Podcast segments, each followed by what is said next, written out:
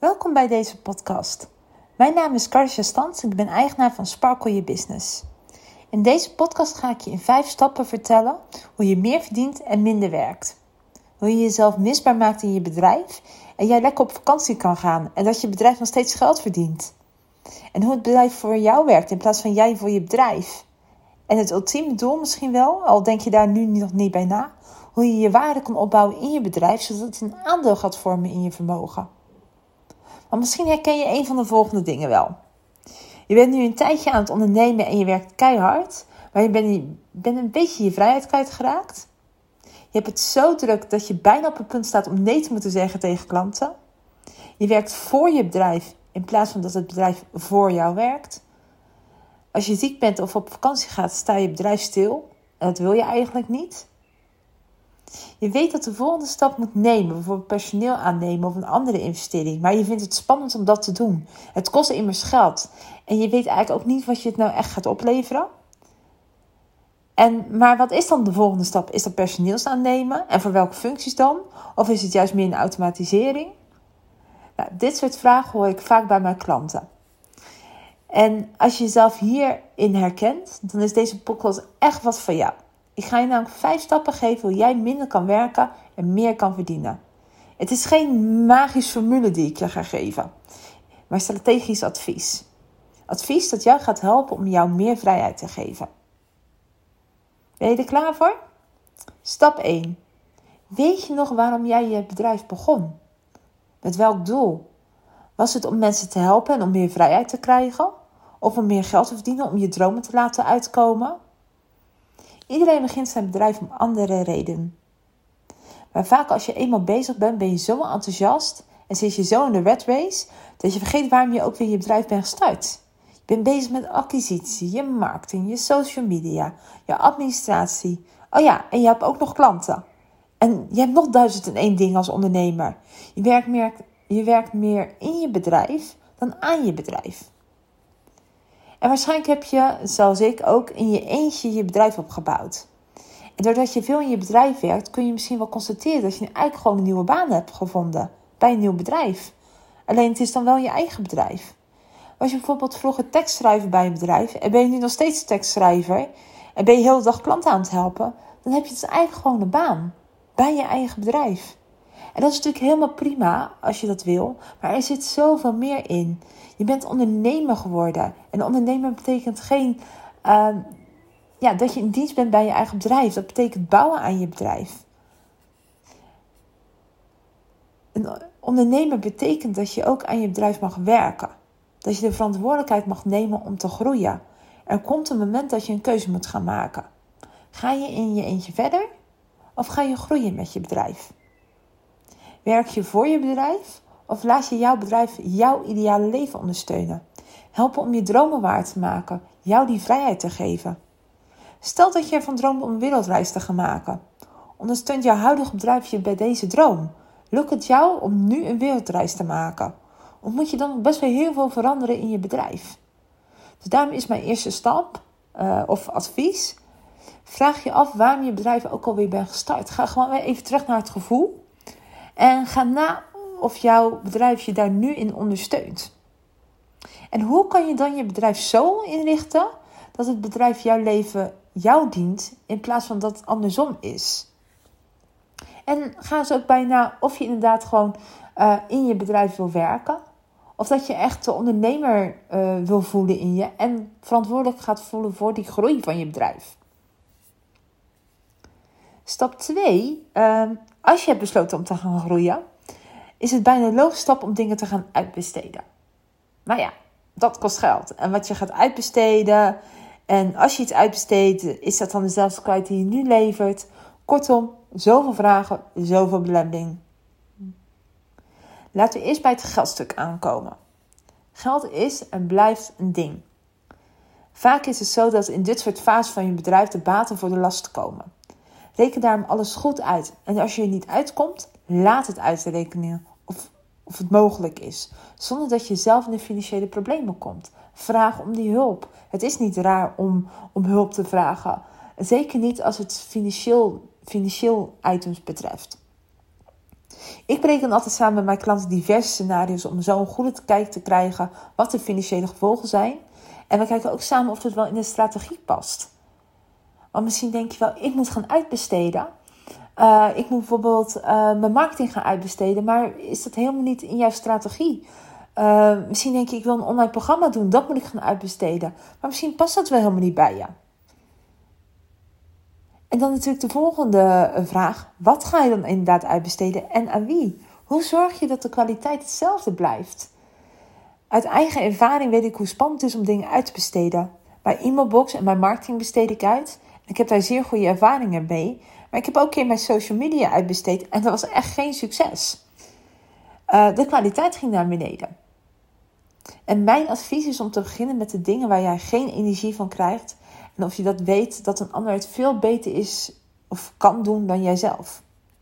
Ik krijg bijvoorbeeld geen energie van mijn e-mailbox.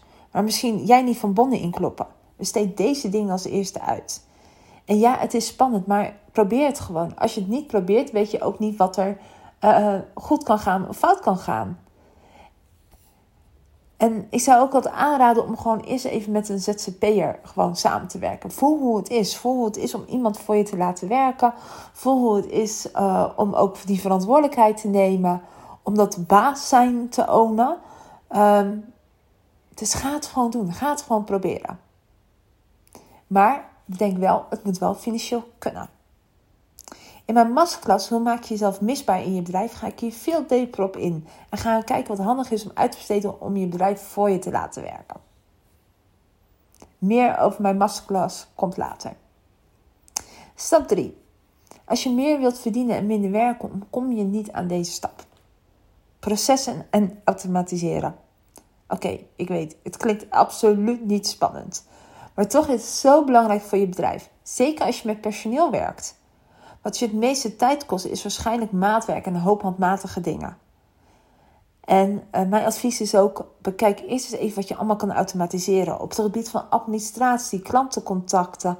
Uh, nou, noem maar op wat je allemaal voor uh, programma's hebt allemaal draaien om het jezelf makkelijk te maken.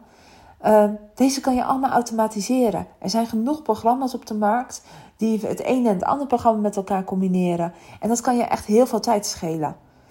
Uh, huur desnoods een keer een technische als, uh, eh, VA in. Processen zijn noodzakelijk als je wilt groeien. Hoe mooi is het als je een kant-en-klaar proces aan een nieuwe medewerker geeft, zodat deze gelijk weet wat hij moet doen. En probeer zoveel mogelijk te standaardiseren. Als je er één verkoopt, hoe kan je het dan zo inrichten dat je het ook 500 keer kan verkopen of 5000 keer kan verkopen? En met de verkoop van producten is dit iets makkelijker te bedenken dan met diensten. Maar dan ook maar ook daar kan standaardisering in zitten. Welke e-mail krijgt iemand als hij klant wordt? Wat zijn de stappen erna? Allemaal dingen die je kan automatiseren. En nog even terug op processen. Bedenk overal, als je het heel saai vindt om ze te schrijven of te bedenken, uh, er zit al heel veel in je hoofd. Hè? Maar bedenk ook overal dat, het, dat je het ook menselijk kan maken. Als jij bijvoorbeeld een, uh, een, ja, een proces voor een factuur uh, maakt, bedenk dan dat het inderdaad een persoon aan de andere kant zit hè, die die factuur krijgt. Dus, en ook bijvoorbeeld met HR of um, nou, doe maar een welkomstmail. Overal is een menselijke kant aan te bedenken. Dus uh, misschien helpt dat je het om wat leuker te maken. Stap 4. De ultieme stap. Als je verder groeit en je bedrijf niet meer alleen om jou draait, word je aantrekkelijker voor eventueel kopers. En dit kan inderdaad voor heel grote weerstand voelen in je lijf. Uh, je bedrijf verkopen. Uh, en het klinkt misschien heel erg van je bedshow. Je hebt misschien nu iets van: nee, nee, dat, nee, dat wil ik niet. Maar het is wel mogelijk. Stel je voor dat je over tien jaar je bedrijf kan verkopen voor een mooi bedrag.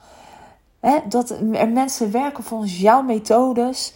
Uh, dat je gewoon inderdaad uh, CFO bent of CEO van je bedrijf. Uh, en dat je gewoon op vakantie gaat en je bedrijf loopt gewoon door.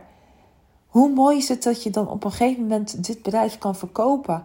Hè, dit geld kan gebruiken om je vermogen aan te vullen, om pensioen op te bouwen, om misschien ook een ander bedrijf te starten. Of juist ergens in te investeren. Als jij ervoor zorgt dat jouw methode door anderen wordt uitgevoerd, dat jij misbaar bent geworden in je bedrijf en dat het geld gewoon binnenkomt ook als jij er niet bent, dan word je interessant voor een koper. Misschien een beetje ver van je bedshow, maar ja, je bouwt waarde op in je bedrijf. Je bouwt vermogen op in je bedrijf. En stap 5, eigenlijk de laatste stap voor meer verdienen en minder werken. Het is natuurlijk een inkoppertje en je kan het hier niet uitlaten in deze podcast. Het passief inkomen. Iedereen heeft het hier tegenwoordig over en de online programma's vliegen je om je oren.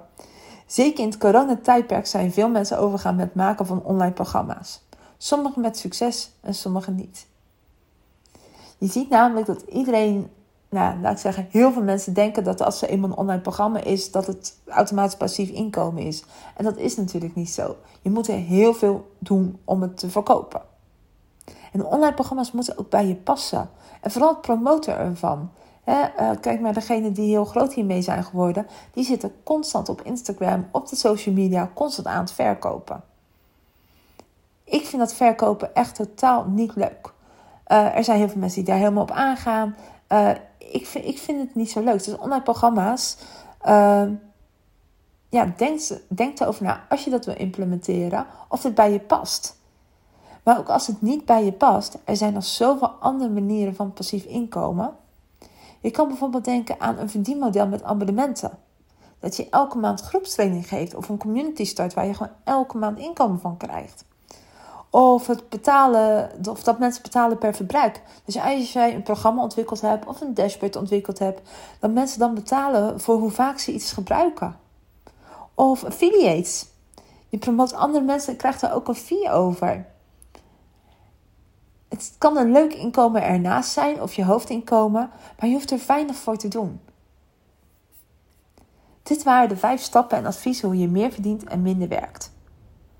Bij alles zorg ervoor dat je bij elke stap denkt aan hoe je je bedrijf en jezelf financieel gezond houdt en of het ook past in jouw strategie. Bedenk een lange termijn doel en pas alles en ja, toets eigenlijk alles wat je doet, past het hierbij. Wil je hier meer over weten? Binnenkort ontvang je een nieuw mee waarmee ik je meer tips ga geven. Fijne dag en dank je voor het luisteren.